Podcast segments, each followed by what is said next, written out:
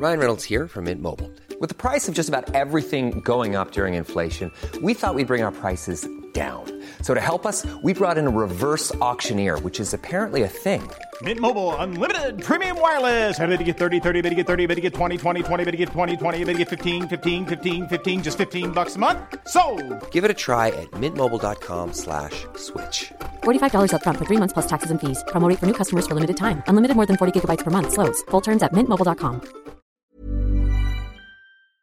Då träffar jag en sköterska som ska börja med att sätta bedövning på min livmodertapp. Och hon bara gräver. Och bara, var är din livmodertapp? Alltså jag ser inte den. Och bara eh, ropar på sin kollega och bara, kan du titta snälla? Alltså jag vet inte, ska vi ändra vinkel? Ska jag lyfta henne? Så att vi håller på i typ så här 45 minuter. Okej. För att bara hitta livmodertappen. Och hon vart så här, det är någonting som inte stämmer här. Ja. Hej allihopa. Som många av er lyssnare säkert redan vet genom Insta så är Nadja just nu på sjukhus med sina barn som har RS-virus. Jag hoppas verkligen att de mår bättre när det här avsnittet släpps. Så idag har jag, Adjam, istället med mig en gäst. Det är Elena som jag har många gemensamma vänner med. I våras bjöd hon in mig till ett träningspass. Hon är PT och jag har som vanligt tjatat om att jag behövde komma igång med träningen. Under passet hade vi ett samtal som blev djupt väldigt snabbt. Hon går nämligen igenom IVF, som jag också har gjort, men hennes berättelse skiljer sig väldigt mycket från min. Anledningen till att hon behöver gå igenom IVF är nämligen till följd av en skada som uppkom i samband med förlossningen av hennes första barn.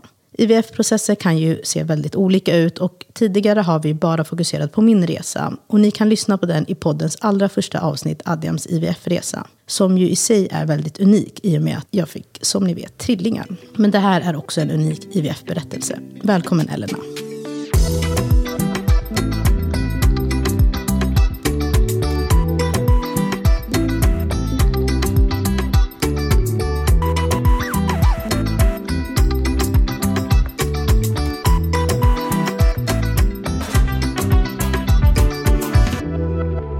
Hej Elena, välkommen hit. Hej, hej, tack så mycket. Hur känns det att vara här? Pirrigt. Ja. Vi ska ju prata om något som kan bli ganska känsligt. Ja, och man har ju inte bara det, utan också det här formatet. Ja, har du varit med? Har du spelat in podd innan? Never Nej. ever, första gången. Ja, jag vet. Det är lite speciellt. Ja, men men- man glöm, i början är det lite nervös och pirrig. Men sen typ halvvägs in då är man så här, glömmer bort. Ja, exakt. Ja, det enda jag vet att eh, jag tänkte på i morse, att jag måste sluta med de här... Eh, Ja, jag vet. Nej, du behöver inte. Vi har vår fantastiska Tom som klipper bort allt sånt. jag och Nadja, det är det enda vi gör. Men jag är så glad att du är med i studion. Och eh, jag tror att det kommer vara jättevärdefullt för eh, våra lyssnare att få höra din historia. ja, jag tänker att ehm, man behöver lyfta sådana här ämnen för att det känns alltid lite skamset eller lite så tabu överhuvudtaget att prata om det. Och jag vet liksom inte om det är en kulturell grej heller. Ja. För att jag vet att även min mamma tyckte det var jobbigt när jag skulle berätta för henne. Ja. Så att jag tror att det är bra att lyfta så att fler vågar prata om det. För att som de sa så är det ungefär var tredje kvinna, eller var tredje par idag i snitt som faktiskt genomgår en IVF. Det är rätt så hög siffra. Det är jättehög siffra. Och du, nu när du pratar om eh, kultur och mamma och så, vart är du? Alltså vart, eh, har, vad har du för bakgrund? Eh, mina föräldrar är från Grekland. Mm. Eh, jajamän. Yasu? Jag så tycker det, det, det, det är så mycket jag kan. jag tänker att vi hoppar rakt in i det. Eh, Du får jättegärna börja berätta bara. Hur startade hela er eh, IVF-resa? Eller hur hamnade ni liksom där ni är idag? Mm. Vi har ju ett barn sedan tidigare. Mm. Hon är sex idag, heter Zoe. Jag hade liksom ingen aning om hur man, ska, eller hur man, hur man blir gravid. Ja. Men eh, det var inte så självklart och gick inte så snabbt för oss att få henne. Så Mm. när jag och min partner efter ett år kontaktade en gynekolog med liksom fertilitetskunskap så fick vi reda på att jag hade PCOS. Mm. En hormonell rubbning som gör att eh, man inte ägglossar. Mm. Och om man inte ägglossar så kan det bli svårt att bli gravida. Så jag visste ju att det var ett litet issue. Mm. Så det tog ett tag att få Zoe och sen, vi har alltid tänkt att vi vill ha syskon. Ja. Så att efter att Zoe var född så var det rätt så, alltså jag kände lite stress av att säga, jag har inte tid att vänta. Nej. Så att låt oss börja rätt så snabbt med att försöka. Och det var då jag insåg att det är någonting som inte riktigt stämmer. Ja. Var det för något du kände av? Alltså det här var vi- ett försök Ja. till andra barn. Ja, men liksom. precis. För att med första barnet så fick, hade jag ju jättelånga menscyklar. Så att anledningen till varför Zoe tog tid var ju för att jag egentligen inte ägglossade. Så att jag fick ju ägglossningsstimulerande tabletter och sprutor för att liksom komma igång och bli befruktad. Och då gick det på tredje försöket, så det gick ju snabbt. Men jag fick tillbaka min mens rätt så snabbt efter Zoe. Och efter det, ägglossning efter graviditet är ju väldigt speciellt. Man känner ju av den. Ja, man gör det. Det är sjukt. Alltså jag känner av den så mycket, alltså Nej, känner så av den liksom negativt. Ja, jag, det är exakt. smärta Det är liksom. inget positivt, det är typ förverkar. Ja, exakt. Jag hade inte förverkan, men jag kan tänka mig att det är så det Ja, känns. är typ det. Så att jag fattade rätt så tydligt att det är någonting som händer. Och efter ett tag så kunde jag liksom tolka att det var en ägglossning. Och det är väl positivt i sig? Ja, det var ju jättepositivt. Så, och man har ju liksom hört att efter en graviditet så kan liksom alla sådana här hormonproblem försvinna. Mm. Och att man ställs om till det normala. Ja. Så jag var ju jätteglad. Så jag var så här, baby let's go. Ja, du Låt bara, min oss- kropp funkar, nu kör vi. Mm. kör vi. Och första gången liksom gick det inte. Och då var det ja men det är okej. Alltså, Det är inte, så tur ska vi inte ha. Nej, Okej. precis. Så vi körde liksom på ett tag och sen efter ett halvår, då hade jag ändå haft regelbunden mens i sex månader. Mm. Och kunde också bekräfta att jag hade en ägglossning, just att det var så tydligt. Mm. Men det gick inte. Så då tänkte jag, men vi kontaktar kliniken igen. Mm. Och så ser vi, tar vi det därifrån. Och då kom vi in på det här att jag blev ju snittad med Zoe. Ja, får jag berätta om förlossningen? Ja. För den, den har ju en ganska stor del av till liksom varför det har blivit som det har blivit. Precis. Zoe låg eh, med huvudet neråt som Mm. hon ska och hon var liksom fixerad och hela faderuttan. Men barn ska ju, titta, de ska ju ligga ner och titta Alltså ligga ner och titta åt vänster. Vänstervända ska de vara. För att de eh, vrids på ett visst sätt. För att Mm. komma ut, liksom, titta ner och sen snurra upp.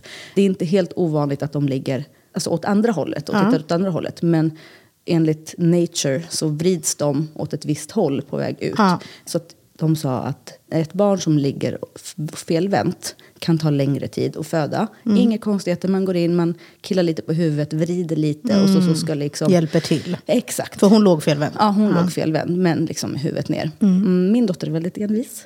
Hon ville inte vända sig.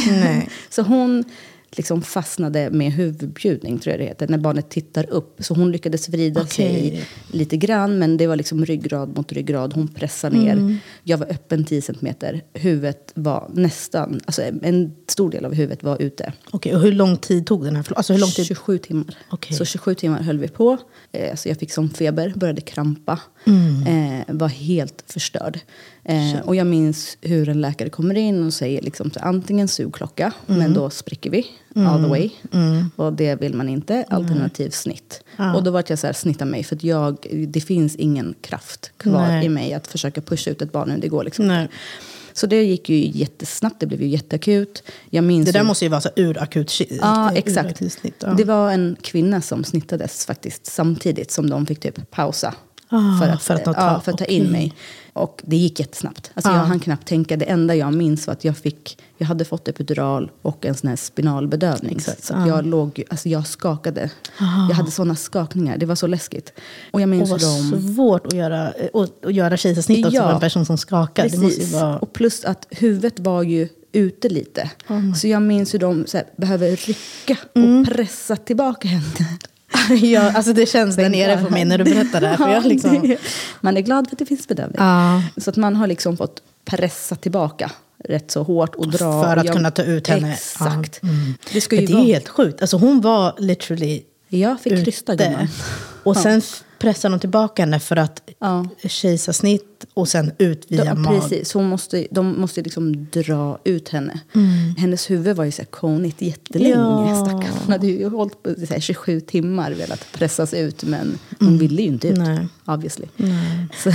Okej. Ja, men då när de väl, kejsarsnittet väl är igång, då går det snabbt. Då kommer hon ut. ja, exakt. Jag tror att vi var nere. För jag var ju på BB Stockholm. De har ju inte kirurgi utan det är Danderyd. Och Danderyd det är ju våningen under. Ja. Så att jag fick ju snabbt ner. Jag tror att vi beslutade kejsarsnitt 0501. Och typ så här 0507 var hon ute. Så det gick ju jättesnabbt. De hann ju inte vänta in all personal minns jag. För det ska ju vara typ tio personer där. Det ska vara kirurger, barnläkare och ja, jättemånga. Ja. Eh, men jag minns att det bara var typ två personer i salen. Men det var så akut att Det fick hon- göras. Ja, det fick göras. Snabbt upp på bröstet, minns knappt och sen sprang hon iväg. Eller Zoe sprang inte iväg, men de sprang iväg med Zoe och Mattias. Ja. Och så fick de sy ihop mig och sen var jag på uppvaket. Alltså fyra timmar utan mitt barn. Ah, Mm, var det lite... var så lång tid. Ja.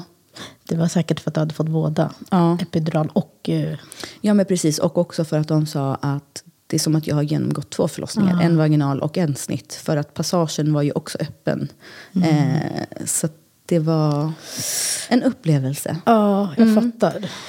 Okej, ja, men så det är bakgrunden. Det är liksom förlossningen. Ja. Och därefter har det liksom, då funkade det ju bra. Alltså Ja, det, precis, du fick det- komma till ja. henne och det var liksom inga Det konstigheter. var precis inga konstigheter. Och det kom ju in dagen efter så kom ju en sjuksyrra in och vart så här, du har gått igenom ett trauma.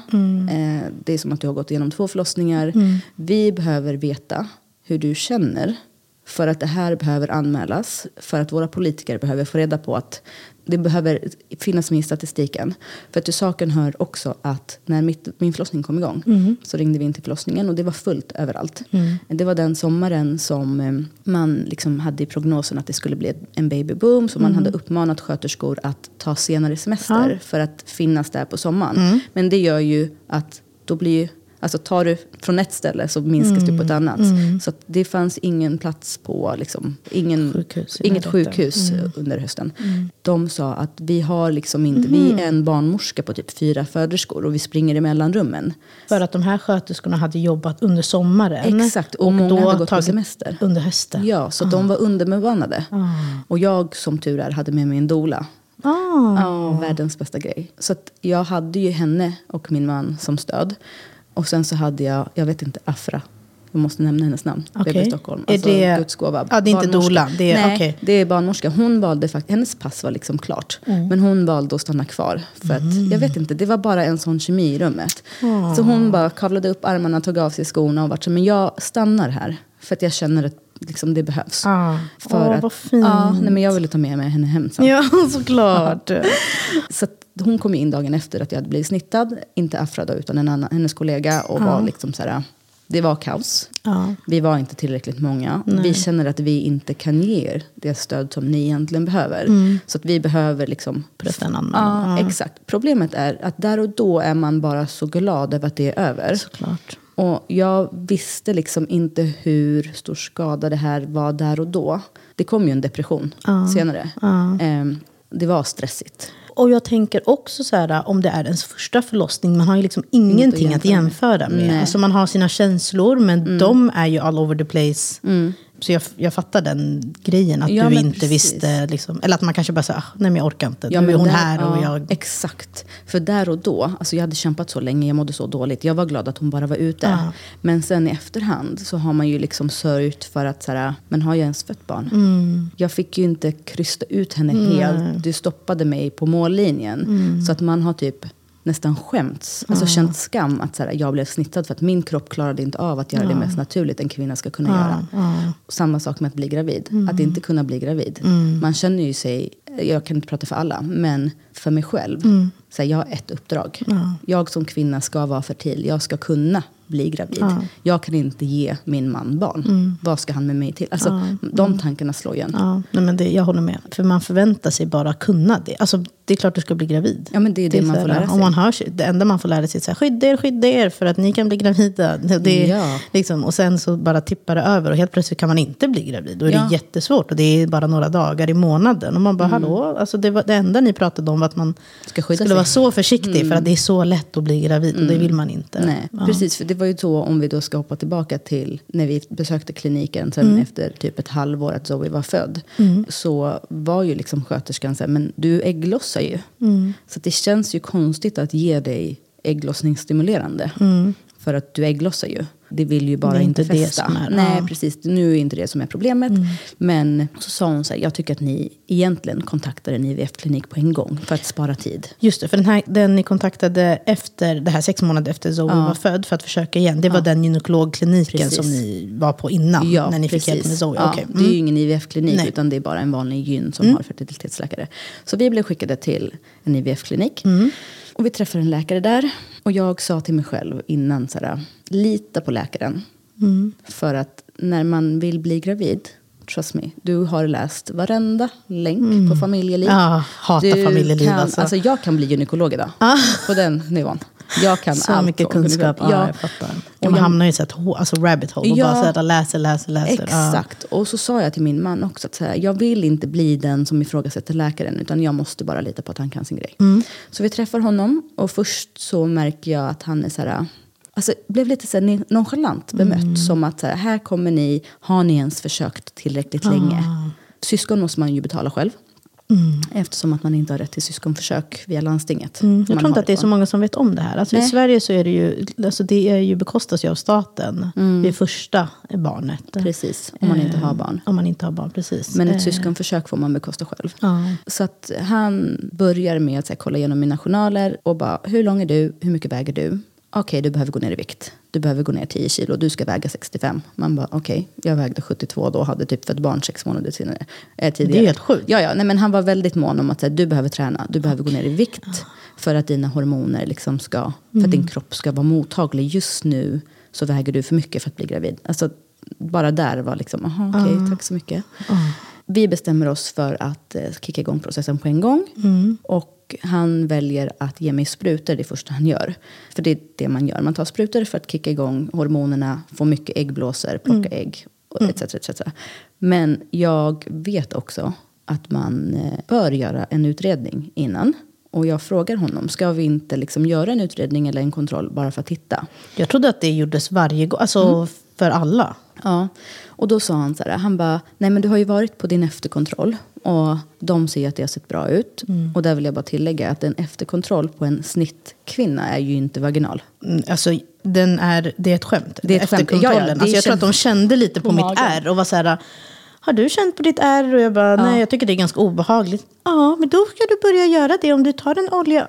Och jag bara, är det här efterkontrollen? Ska Och ni inte kolla då- någonting där inne? Ja, eller, förstå alltså, då att det är typ den största bukoperationen du kan göra. alltså du Exakt, snittar exakt. upp Ja. alla lager. Ja, jag var Ehm, jättechockad när jag gick därifrån. Men jag tänker att du genomgick ju också typ en förlossning. Så att din eftervård borde ju egentligen varit båda. båda. Ja, ja, de kände bara mina magmuskler och bara, de har gått igen, ditt ärr ser bra ut, jättebra. Så att han bara, du har ju fått godkänt på din efterkontroll. Ja. Och du har ju barn sedan innan. Så det är ju säkert ingenting som är fel. Nej. Och där kände jag i min mage att jag borde Det säga någonting. inte, ja. ja. Men så var jag så här, Elena, du sa till dig själv att du ska lita på läkaren. Mm. Så säg ingenting nu.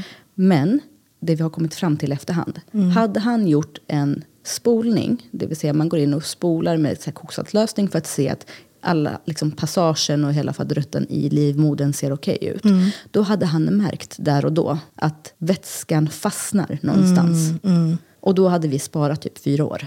Ah, Men han valde att inte göra det. så Vi- att ni satte igång med liksom så vi satte det. igång på en gång. Och det var lite så här tudelat. För att man vill ju snabba på processen. Jag vill ju inte behöva vänta. Nej. Samtidigt som jag också kände... Du hade ju en känsla av Jag att det var hade en någonting känsla. Som, ja. Men jag bara pushade den åt sidan. Man ska alltid lyssna på sin magkänsla. Ja, vi Ja. har ju så jävla stark intuition. Ja, alltså, men vi kvinnor. det. Ja. Allting gick jättebra. Sattes igång liksom med sprutor. Man var ju som en höna eftersom att vi PCOS-kvinnor har ju lätt till att bli överstimulerade. Och vi producerar av vår liksom, natur extremt mycket ägg. mycket äggblåsor. Och jag visste ju att jag skulle bli överstimulerad. Vilket leder till att man får inte göra en insättning samma cykel.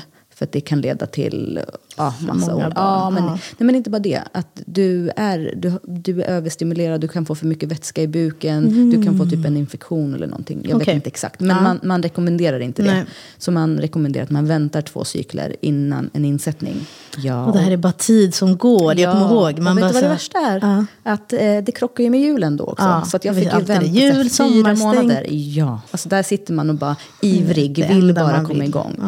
Och också lite så naiv. För att jag tänkte så här, ja men nu kommer det ju bli. Det kommer ju festa på en gång. Varför ska det inte festa? Jag får ju hjälp. Ja, det är det här Eh, hoppet. Det, ja. det är verkligen det sista som lämnar Ja, den. Ja. man, eh, man lever på det. Ja men precis.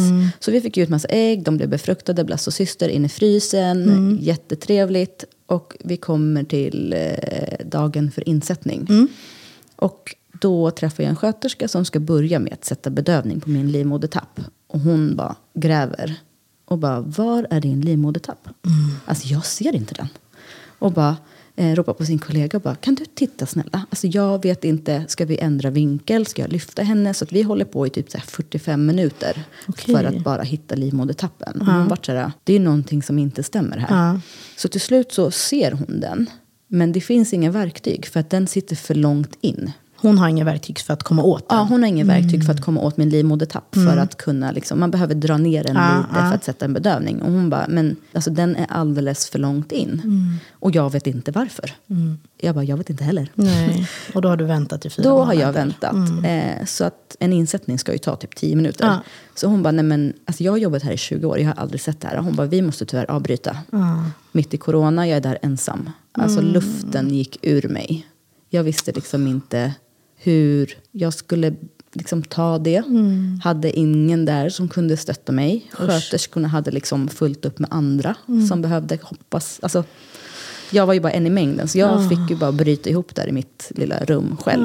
Och ringa till min man och bara, mm, blev ingen bebis. Nej. Och det är inte ens ett rum, det är så här skynken runt. Så man hör liksom alla ja, runt omkring. exakt. Det, ja. Så då var det så här, okej men det är någonting som inte ser bra ut. Vi måste kolla det. Vi förlorade ju inte det embryot, tack och lov, för de kunde tina ner det igen. Ah, okej. Men det var där hela processen började, där jag blev skickad till läkare efter läkare efter läkare efter läkare. Där vi gjort massa olika liksom, vaginala operationer, där man gått in med kamera och försökt lista ut vad det är som händer. Och alla läkare var så här, någonting blockar. Okej. Vi ser att livmodertappen är jättelångt in. Mm. Vi har eh, så här, jättelånga verktyg och vi kan ta oss in lite. Men vi kommer in typ tre centimeter. Sen Okej. är det stopp. Okej. Mm. Och så här, vad betyder stoppet? Ja, det kan vara en tumör. Det kan vara slagg. Det kan vara vad som Ja, helst. du fick ju liksom inte svar på Nej, vad det och- ja. Och de visste inte heller. Nej, och det är så här, vi skickar vidare till den här, till den här, till den här. Så jag var på typ alltså, varenda sjukhus som finns. Liksom, varenda gyn i hela Stockholm har jag varit på. Och ingen kunde lista ut vad det var tills... Men hur går dina... Alltså vad, vad känner man? För jag tänker, nu berättar du här och det kanske låter som att det går snabbt. Men Mm. det jag tänker att man ska få en tid och du ska komma dit. Och det ska, alltså det, att det ändå drar ut på tiden Mm. att få gå igenom de här besöken. Och sen vad det kräver av dig rent känslomässigt, mentalt. För Mm. jag, alltså jag höll på att börja gråta innan när du sa det här med att man kommer dit eh, Mm. och håller på en timme och tänker så här, nu ska jag få en insättning. Mm. Så går man därifrån utan det. Och de vet inte ens varför.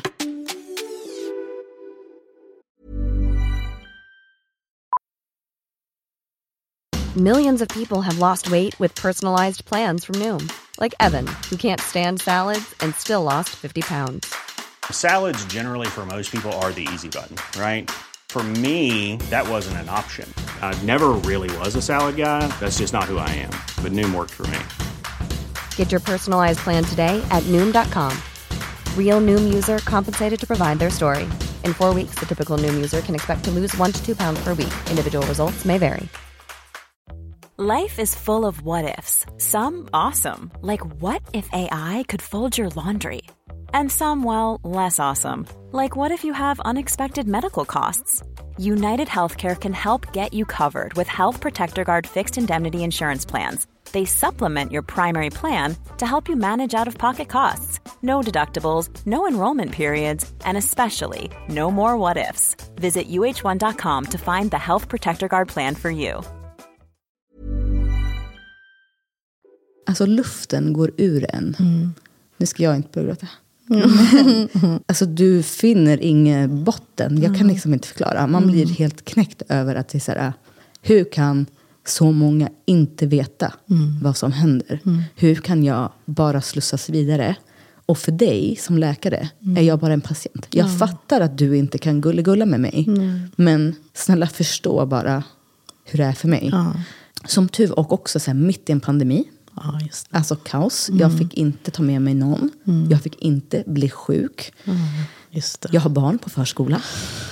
Vad lätt att inte bli sjuk Ja, då. var lätt att inte bli sjuk. Och också, man vill typ inte prata så mycket om det till folk heller. För att det är skönt att prata. Men då kommer också frågor. Och när saker inte går som planerat. Jag orkar inte ens förklara för mig själv att det inte har gått. Ska jag förklara för 20 andra som inte ens förstår hur en IVF funkar. Och det är så här, men har du testat de här ägglossningstesten? Man bara, Mm. Du bara, gumman, det där är fem år sedan. Liksom, Vet du Ah. hur mycket pengar jag lagt på ägglossningstest?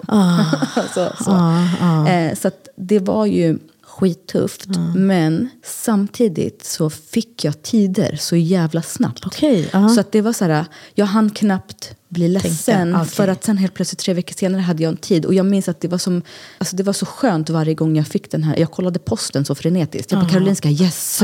Så. Räkna med, då blir det, så här, då blir det det man fokuserar på. Nästa Jag- tid, ja, nästa exakt. Jag besök. behövde ja. bara så här, vet du vad, jag har inte tid att falla platt nu. För att jag har mitt barn. Jag måste fokusera på henne. Hon just måste det. också få min fulla tid. För att om jag inte blir gravid igen så kommer inte den här dagen tillbaka. Så jag måste, ge, jag måste njuta av varenda sekund. För det kanske är min sista stund med Ja, men så här, med en, med, det, med en ettåring, Ja, med en exakt. tvååring, med en Ja. treåring. Jag har verkligen varit tvungen att njuta av det. Och finna min tröst i det. Alltså de här små armarna, den kramen. Det, det finns liksom inget som betyder mer. Så att jag fick ju tider rätt så snabbt, vilket var skönt. Men det kom ju liksom en smäll efter varje gång. För att efter varje försök, nej det gick inte, nej det gick inte. Ah, tusan, det gick inte den här gången heller. Jag undrar vad det är. Och vissa läkare har liksom inte den känslan. Att liksom den sociala delen, att säga, okay, men det är någon som är ledsen här nu, vi kanske inte ska skoja Nej, till det. precis. Ja. Till slut så träffade jag, fick jag liksom gå tillbaka till Danderyd där de snittade mig. Eh, och jag är på en kontroll där med en jättehögt uppsatt läkare. Och han tittar på mig och han var så nej men alltså jag förstår liksom inte vad det är. Vi behöver kanske öppna upp din buk och titta. Och där har han en så kvinnlig kollega som är med. Kvinnlig kollega, notera. Som säger till mig så här. Ja, men vi behöver också komma ihåg att det här är risken man får ta när man väljer att bli snittad. Det kan ske komplikationer och det kan försvåra processen för ett andra barn. Du vet, jag bara... Har du energi där och så här brinna? Alltså hur... För Vet du, man blir så ställd. ja. Jag blir så ställd att jag så här, efter besöket, när jag berättar det här hemma. Att, så här, men vad händer? Vem är den här kvinnan? Mm. Varför säger hon så här till mig? Ja, så, Och så här, vad, okej, hur hjälper det mig i den här situationen? Exakt. Alltså, du, men så här, också så här, läs min journal. Ja. Väljer. Ja, Valde jag. Alltså, all, jag har försökt i 27 timmar att pressa ut den här ungen. Ja. Väljer. Det var det sista jag gjorde. Ja. Och också så här, informera mig. Vet du vad? Du har blivit snittad. mm, det här och det här. Det kan- här och det här kan hända. Det kan försvåra processen. Medan andra läkare säger nej men det ska inte spela någon roll. Och så ser man andra som poppar tio ungar och är snittad varje gång. Så, det, så det Nej, liksom precis. Ja.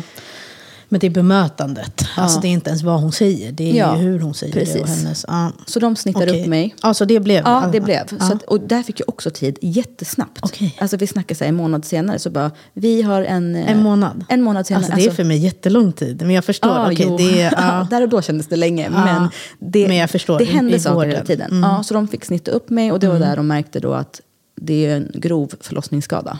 Okej. Ja, de öppnar upp och de ser att för det första så har typ alla organ lagts tillbaka på fel plats. De ligger lite liksom, för långt upp. Det är förskjutet nästan sju centimeter uppåt tror jag han sa. Hur har du en så mycket... plats. Jag Ja. vet inte.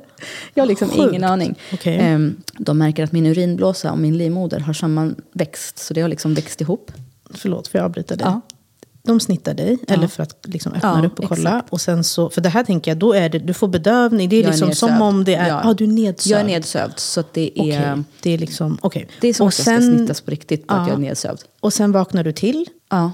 Och är det då de då går igenom vad de har då hittat? berättar de. Förstår du att man... Och vad tänker du i det? Alltså, vad är dina... Du vaknar upp. Ja.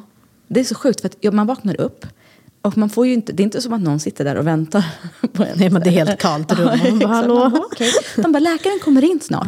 Och där så känner man så här, är jag bra nu? Exakt. Ja. Man, man, alltså, man är liksom all over the place och fattar liksom ingenting. Men fyra timmar senare, jag minns det här för jag räknade ner minuter tills läkaren kom in. Fyra timmar. Fyra timmar senare kommer läkaren in. Och då har de gjort en, liksom, en re- rekonstruktion av mitt kejsarsnitt. Man snittar som att jag har ett barn. Man öppnar upp hela grejen för att se hur det ser ut och sen så ska man förbättra det. Det var någon läkare som hade sagt men det här kan bero på av De hade en kejsarsnitt. Ja, de aning. hade en Ja. aning, annars hade de inte öppnat mig. Så den här läkaren kommer in och det första han säger är så här, du måste ha haft jätteont de här åren. Och jag var så här, jo men jag har haft ont. Ja, Men så får man också säga, men det är vanligt. exakt. Det Det är, bara något vanligt. man ska ta. Ja, exakt. Han börjar liksom berätta att allting har förskjutits upp, typ 7 centimeter. Min urinblåsa och min eh, livmoder har vuxit ihop, så det är sammanväxt. Och den har snurrats upp och ner och böjts bak. Så jag har en så här, 90 graders vinkel. Den är rätt så spetsig, alltså 90 grader. Så. så att den är jättelångt bak. Så att den här blockeringen som de har märkt är att de har försökt gå in med en nål. Eh, eller med ett verktyg. Men så har de mötts av en, av en böj. Och nålen kan ju liksom inte böjas. Nej. Så de har ju mötts av liksom livmoderhalsen. Det är väggen. Det är ingenting som Som blockerar. har varit böjd. Exakt, den har varit böjd. Så de har behövt, nu visar jag här, det kanske Men det är liksom, man har behövt ha, ha en jättemjuk nål som kan liksom följa med i svängen i en skarp kurva. Men det har de inte kunnat ha. Eh, och det är ju för Och de har väl inte fattat Nej. vad de ska ha? Eller så här, Nej, de, de vet ju liksom Nej. inte. Och den har ju legat så böjd i, i typ fyra år. Så att den har ju liksom vant sig i den. Mm. Och plus att de hade sytt ihop mig så att min, jag hade liksom, livmoderhalsen ska väl vara, det ska väl typ vara en centimeter i hålet liksom. Men Mm. min var 0,2 millimeter. Det var jättesmalt. Eh, så de har tagit bort sammanväxt. De har liksom lagt tillbaka allting där det ska vara. Under den här, Under det här snitt, ja, precis, ja. Mm. under den här stora bukoperationen. De har försökt öppna upp min liksom, livmoderhals Mm. och lagt in liksom, som en spiral, eller en stav typ, för att det ska hålla sig öppet. Okej. Och försökt rätta ut livmoderhalsen så att den inte har en extrem bakåtböj. Och då var jag så här, okej men nice, om den kan läka bra.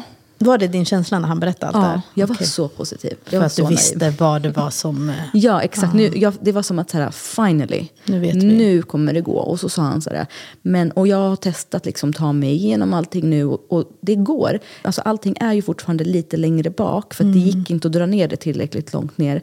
Men det funkar med vanliga verktyg. Okej. Så han sa att nu får du inte bli gravid på sex månader. Du kommer ha den här lilla staven i i tre månader. Mm. Eh, men vi rekommenderar att du väntar ett år innan du blir gravid.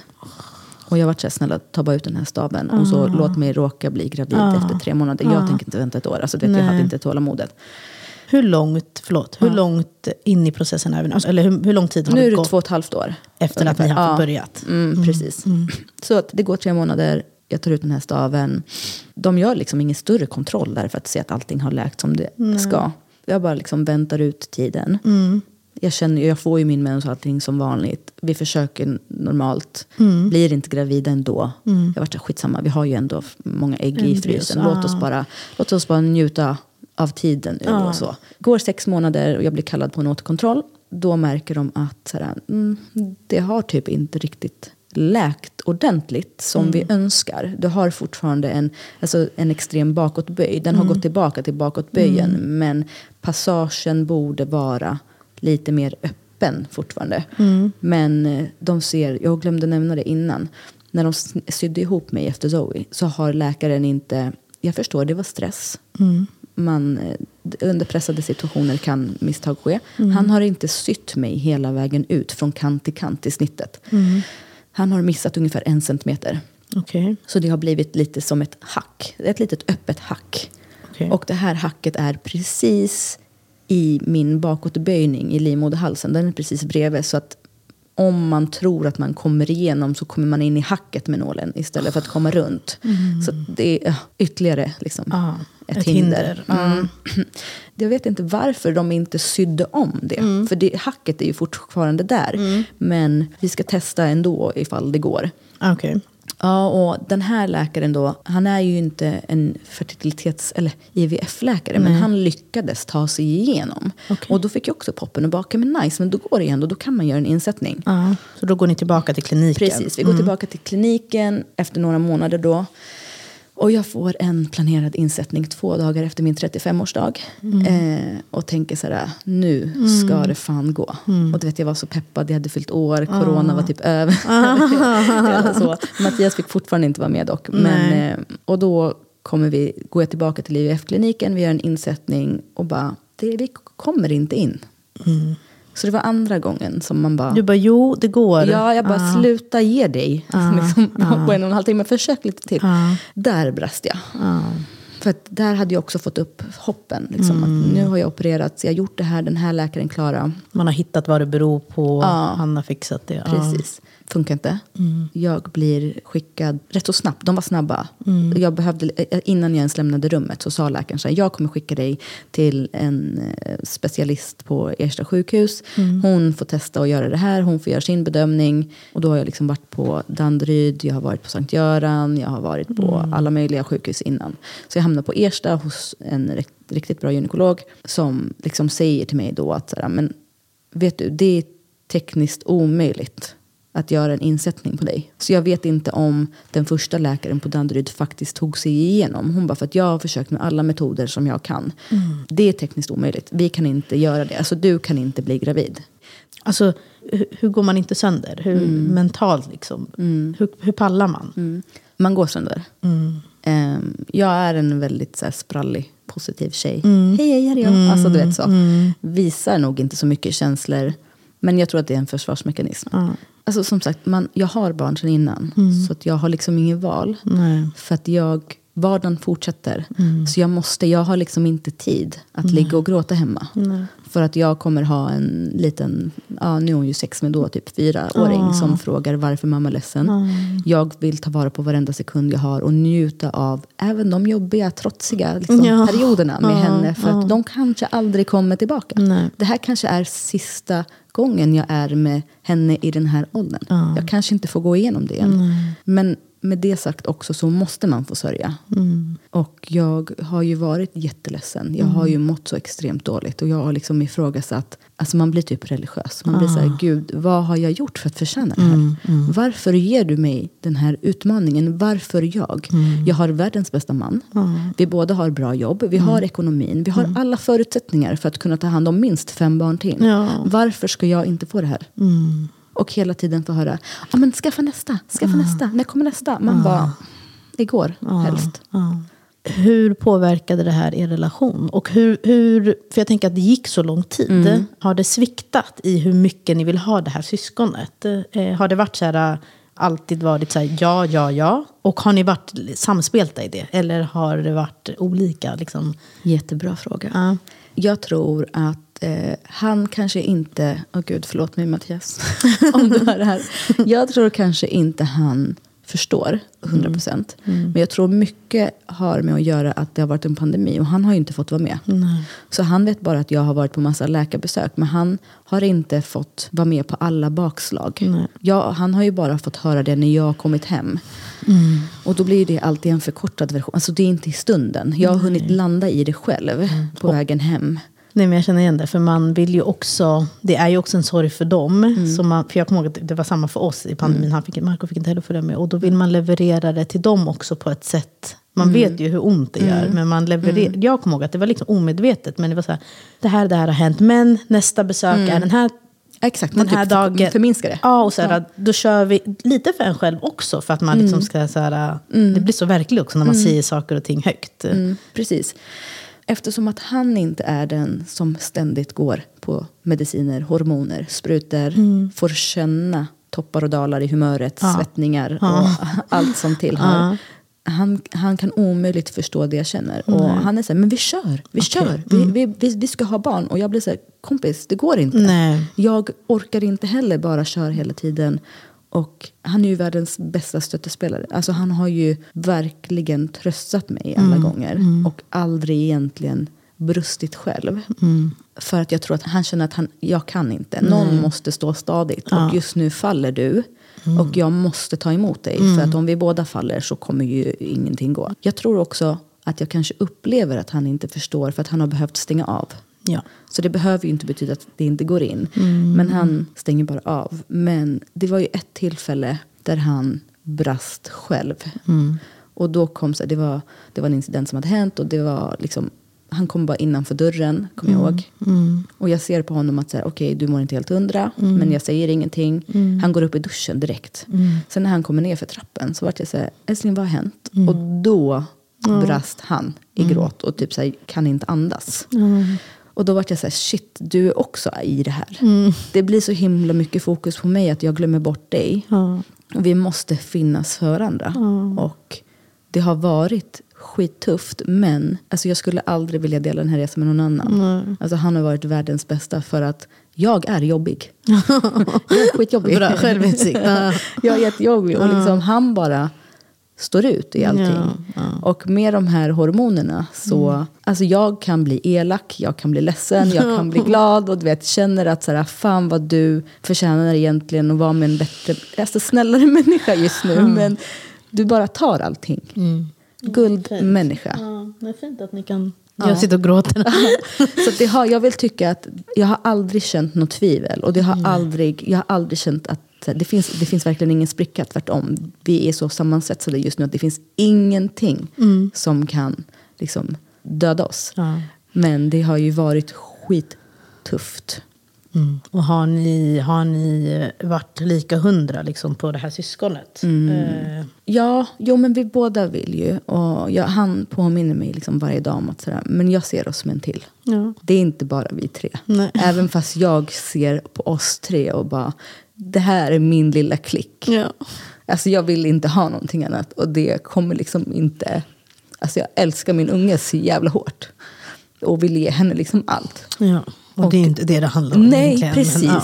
Och jag tror att det är en försvarsmekanism hos mig. För att jag, utåt sett så säger jag till alla, nu är jag jätteärlig här. Utåt sett är jag så här, men vet du vad, allt annat är strössel på kakan. Jag har ett friskt barn. Ja. Jag har ett friskt barn. Och liksom, många har inte ens det. Nej.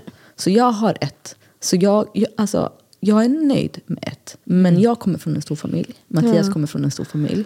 Jag vet att så här, Ja, har många syskon alltså, ja, Ja. Jag behöver typ inte ens vänner kan jag känna ibland i perioder för att jag har min familj. Vi har inte tid. Nej, och du vet, all- tankarna som slår mig, som krossar mig. Mm. Det är så här, tänk dig hennes första hjärtekross.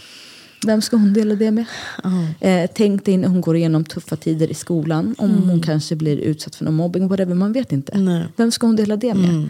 Tänk om hon hamnar på sjukhus, som mig, Mm. blir tvungen att opereras. Det är såklart mina syrror som har kommit och hämtat mig. Vem ska hämta henne? Alltså vem ska finnas där för henne? Mm. Och jag fattar att du kan ha vänner. Men jag som vet hur Du vet ju, syskon ja, är. ja. Det finns Nej. inget. Det är det, inget man, man vill ju ge sitt barn det man själv eh, har fått och fått Mm. uppleva. Liksom. Jag förstår precis. Ja. Så att jag försöker finna en tröst i att så här, blod är inte tjockare än vatten. Men samtidigt så är det... Det du känner. Det finns ingen större önskan än att liksom, så här, ge henne till barn. Så att Mm. det är skitjobbigt. Jag förstår. Herregud. Ja. Okej, så nu har vi gått igenom alla de här och du har varit på Ersta och fått träffa Mm. gynekologen. Eh, så säger jag att det är typ tekniskt omöjligt. Eh, Jag vet ju att du får komma till en specialist på Huddinge. Är det efter Ersta då? Eller? Mm. Precis, det är efter Ersta. Då har ju Ersta återkopplat till IVF-kliniken och sagt att det är tekniskt omöjligt. IVF-kliniken hör av sig till mig och då säger de sådär, det finns andra metoder att stoppa in ett embryo. Och det är liksom, man behöver inte gå via livmoderhalsen utan man går in vaginalt, sticker hål i livmodern direkt och sprutar in ett embryo så. Men eftersom att det blir ett hål i livmodern så blir det som ett sår och då kan immunförsvaret kicka igång och då kan den stöta ifrån. Så missfallsrisken är jättehög. Men det finns en specialist på Huddinge.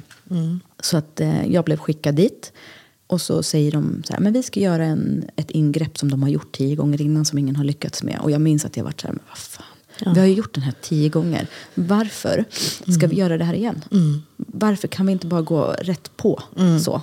Men så bara, Elena, tålamod. Ja. Så jag träffade den här läkaren. Och gud, jag var så otrevlig. För att jag kommer ihåg att jag bara, ja ah, men de har gjort det här tio gånger innan, det ska inte gå. Men okej, om du vill göra det här så absolut. Och hon bara, okej. hon kom in. Det var liksom inga konstigheter. Vad Eh, sjukt. det var så sjukt. Och hon bara, ja men lite hemmabygge. Eh, fick böja lite verktyg, jag tog de här, jag testade det här. Och det gick ju jättebra. Och liksom, det tog 20 minuter. Och jag var så här, men vad händer här? En som kan sitt jobb. Ja men det är det. Ja. Alltså förlåt, Huddinge sjukhus. Det är Alltså, min, jag födde ju Huddinge. där. Det, Nej, men det finns inget bättre än. Huddinge. Ja. Det jobbiga här och då är ju att det är en person som vi liksom kan göra det här ingreppet. Mm, I hela Stockholm. Ja, typ. Eller hela Sverige ja, kanske. Ja. hela Sverige.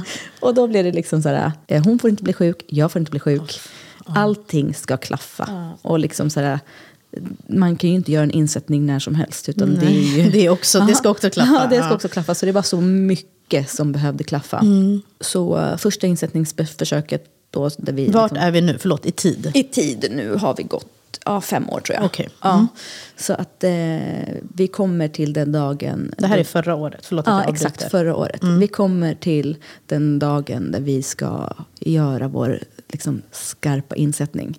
Och, alltså, jag var så nervös, för det känns så sjukt så här, surrealistiskt. Är vi här nu? Ska det här gå? Så då ska ju först och främst mina blastocyster, de alltså frysta embryona, eh, flyttas från IVF-kliniken till Huddinge. Det var det som var min fråga. Okej, Det ja, bara det är ju... Ja, Ja. Och de bara, nej men det är inga konstigheter. Mm. Notera att vi, man betalar ju för minsta, för alltihopa. ja, just det. Ja. För att det här var ert andra Ja, barn. Så då precis. står ni för alla kostnader Ja, själva. ja, precis. Och bara för att nämna där, då har vi betalat eh, våra typ 100 000 till IVF-kliniken. Mm. De har ju inte lyckats göra någon insättning överhuvudtaget. Mm. Och det har ju aldrig hänt dem innan. Och det är inte som att man får pengarna tillbaka. Ja, man får inte det. Nej, nej, nej. Och sen när vi hamnar på Huddinge, där kostar ju varje insättningsförsök. Då. Först ska vi flytta embryosarna från IVF-kliniken till Huddinge. Det kostar typ 6 000 kronor. Dyr taxiresa. Ja, ja jättedyr taxiresa. Och sen varje insättningsförsök kostar ju 20 000. Och som sagt, vi får ju inte pengarna tillbaka. Från IVF. IVFen. Men det är ju sinnessjukt. Ja, det är helt sjukt. Och sen också eh, alla mediciner, alla operationer. Visst, det går ju på landstinget efter ett tag, men man ligger ju ändå ute med pengar först. Ja, ja, ja. Eh, så jag tror vi, vi sniffar på 200 000, 220 000 tror jag vi är uppe nu. Ah.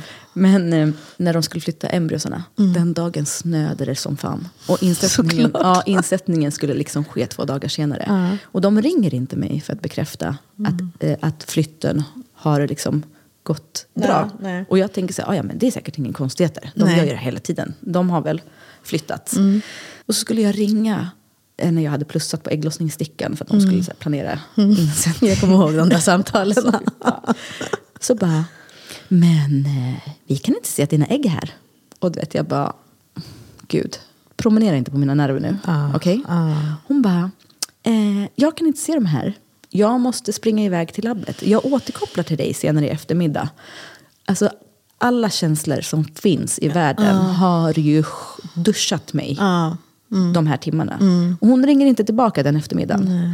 Så jag var så här, okej men nu kommer inte det här bli av. Alltså jag var helt knäckt. Och min man bara, älskling ta det lugnt, vi vet ingenting än, ta inte ut någonting. Jag bara, men vi får bakslag på bakslag, varför ska det här gå vägen? Så ringer hon dagen efter och bara, jo vi hittade din ägg. Man bara, Åh, Nere i källaren, åh, i gång tre. Exakt, där ligger de och väntar på dig i frysen. Åh herregud. Ja, Okej, typ. ja. Så vi fick ju komma in, göra en insättning. Fick Mattias följa med? Mattias fick följa med. Ah, Alltså, han var så fint. nervös, han var så stressad. Och jag önskar att jag var en kamera på väggen, eller en liten fluga på väggen.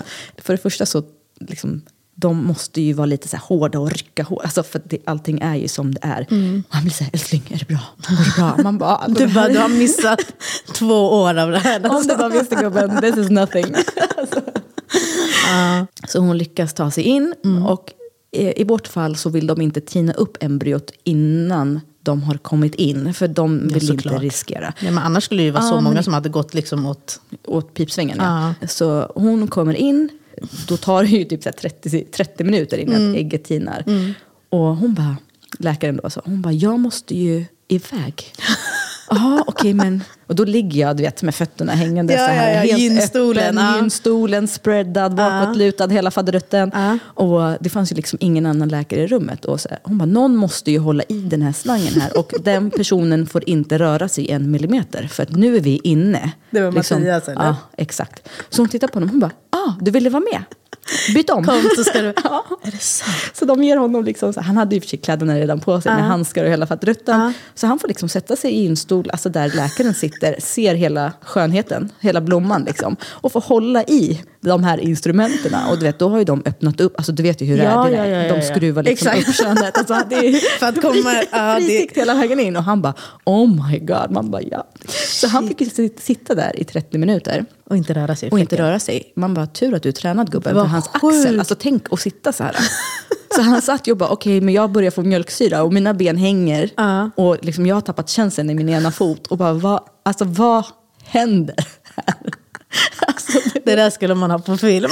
ja, det är det. Jag bara, jag bara önskar att någon liksom kunde filma det. Vad sjukt. Och så kom hon tillbaka då efter 30 ja, sen minuter. kom hon tillbaka efter 30 minuter. Skitnöjd. Hon bara, bra jobbat. Ja, hon bara, det här gick jättebra. Och jag alltså det här är helt hemskt, men jag måste berätta, det är skitkul. Så då har han liksom suttit med sina händer i mitt kön indirekt. Så hon tar över och jag är ju så torr i munnen. Så då har ju han liksom ett litet saftglas med sugrör. Så han tar ju med samma hand som han har liksom haft med min blomma. Så tar han sugröret till min mun och bara här går man drick. Man bara Och det där var första insättningsförsöket hos henne. ja exakt. Sen Hur gick det? det gick inte alls. Okej. Alltså den var ändå okej. Okej. För att jag vet ju att sådär, första insättningsförsöket oftast typ misslyckas. Så Ja. att kroppen inte är van. Eh, så jag var helt okej med det. Och läkaren då var såhär, men vi kör nästa månad på en gång. Ah, vad så det skönt. var skitskönt. Men då vart ju hon sjuk. Och sen kom påsklov.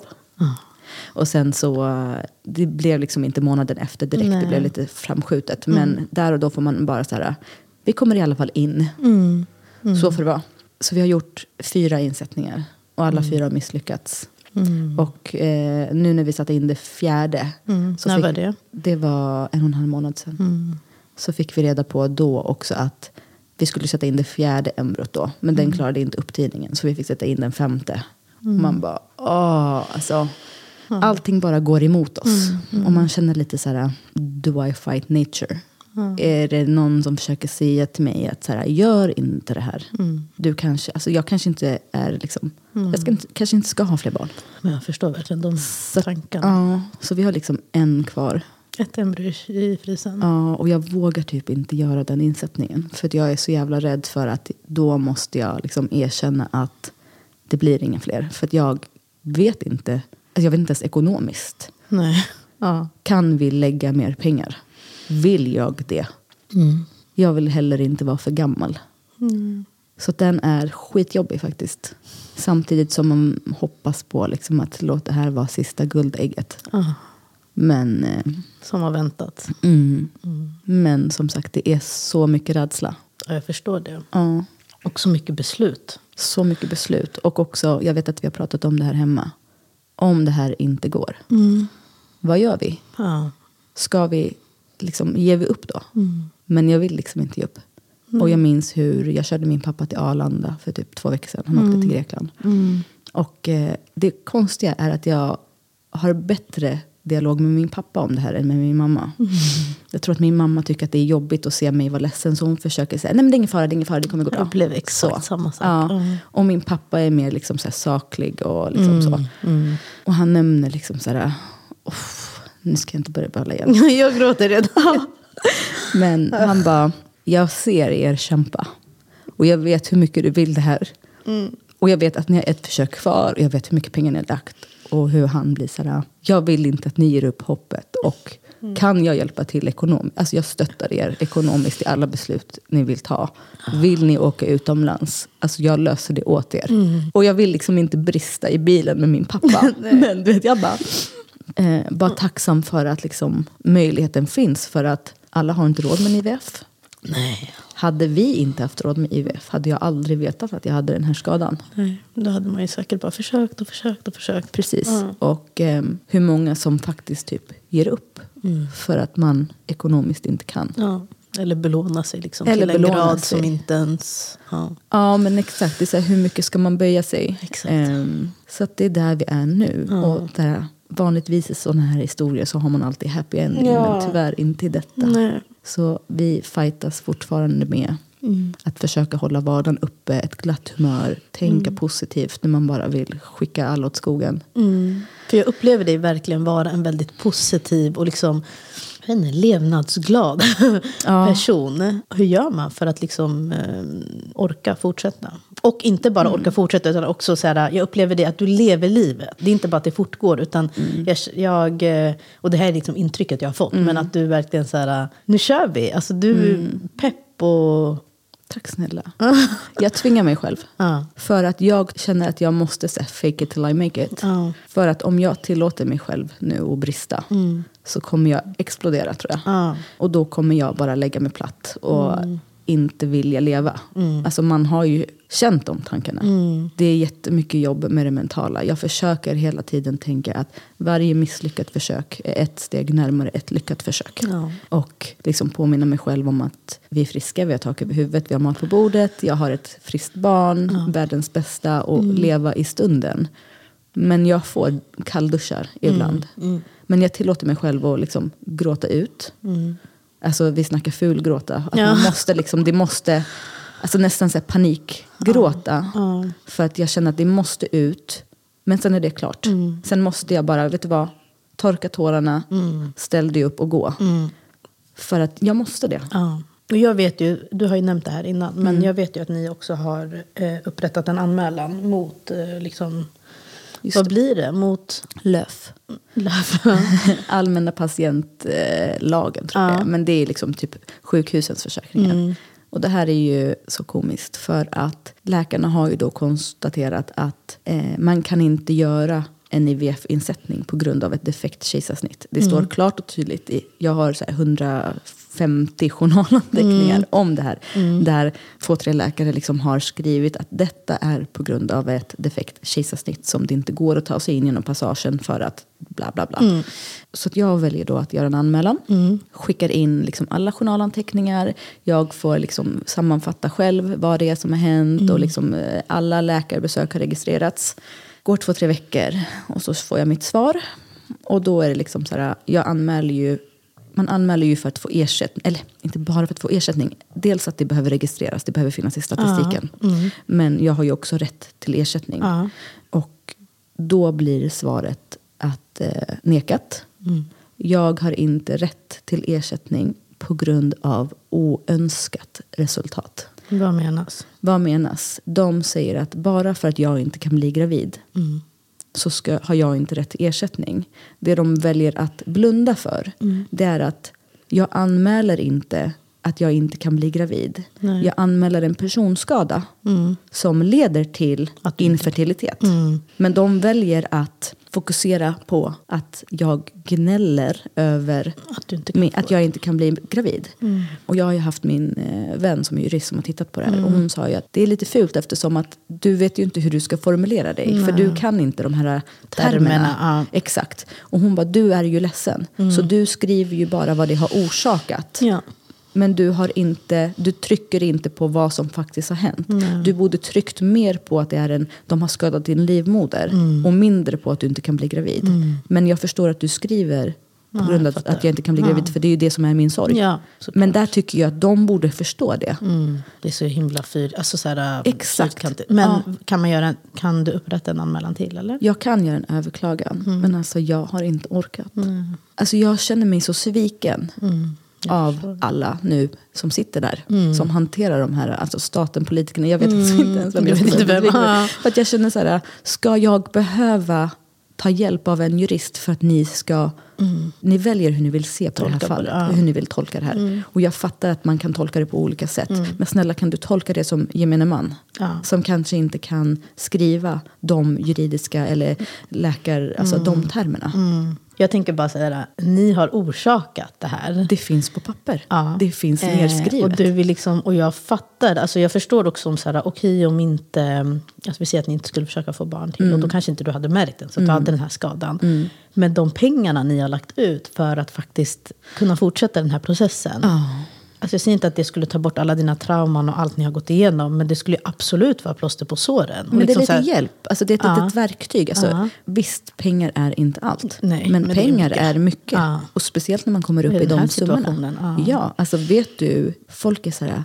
Alltså du har sån himla energi som orkar jobba så mycket och du är överallt och du bla bla bla. Du har 15 bollar i luften. För att jag måste. Mm. För att varje insättningsförsök nu på Huddinge har kostat mig 20 000 extra utöver mina vanliga utgifter när räntan är som den Mm. Ja, är. och alltihopa. elen och allt som men har exakt. varit under det här- Man bara, Ja. vi, vi, det är inte som att pengarna växer på ett träd. Nej. Förlåt, jag har inget val. Jag måste göra det här. Mm. Nu är vi två, det är inte bara jag. vi fattar. Tack så jättemycket Elena för att du ville komma och dela med dig av din historia. Alltså, så fort jag fick höra, jag har inte hört hela, men bara alltså, snuttar var jag så här, det här måste folk få höra om. För att jag tror inte, jag fattar inte att det har kunnat gå till så här och att det liksom är möjligt. Jag tror att du kommer hjälpa folk med din historia. Och bara du kan hjälpa en person så är det liksom Tack för att jag fick komma. värt. Ja. Och till er som har lyssnat, om ni vill ha mer av Elena i ert liv så kan ni följa henne och hennes träningstips som är Dunder på Instagram. Eh, där du heter PWRD. .bi.e. Så powered by E, Elena. Perfekt. Mm. Så kan ni få lite tips. Och Elena, lycka till. Tack jag, snälla. jag önskar verkligen all lycka. Och jag håller tummarna för det här Mm, sista embryot som ligger i frysen. Tack snälla. Okej då, ha det så bra. Och tack hörni för att ni har lyssnat. Tack, tack. Hej då. Hej då.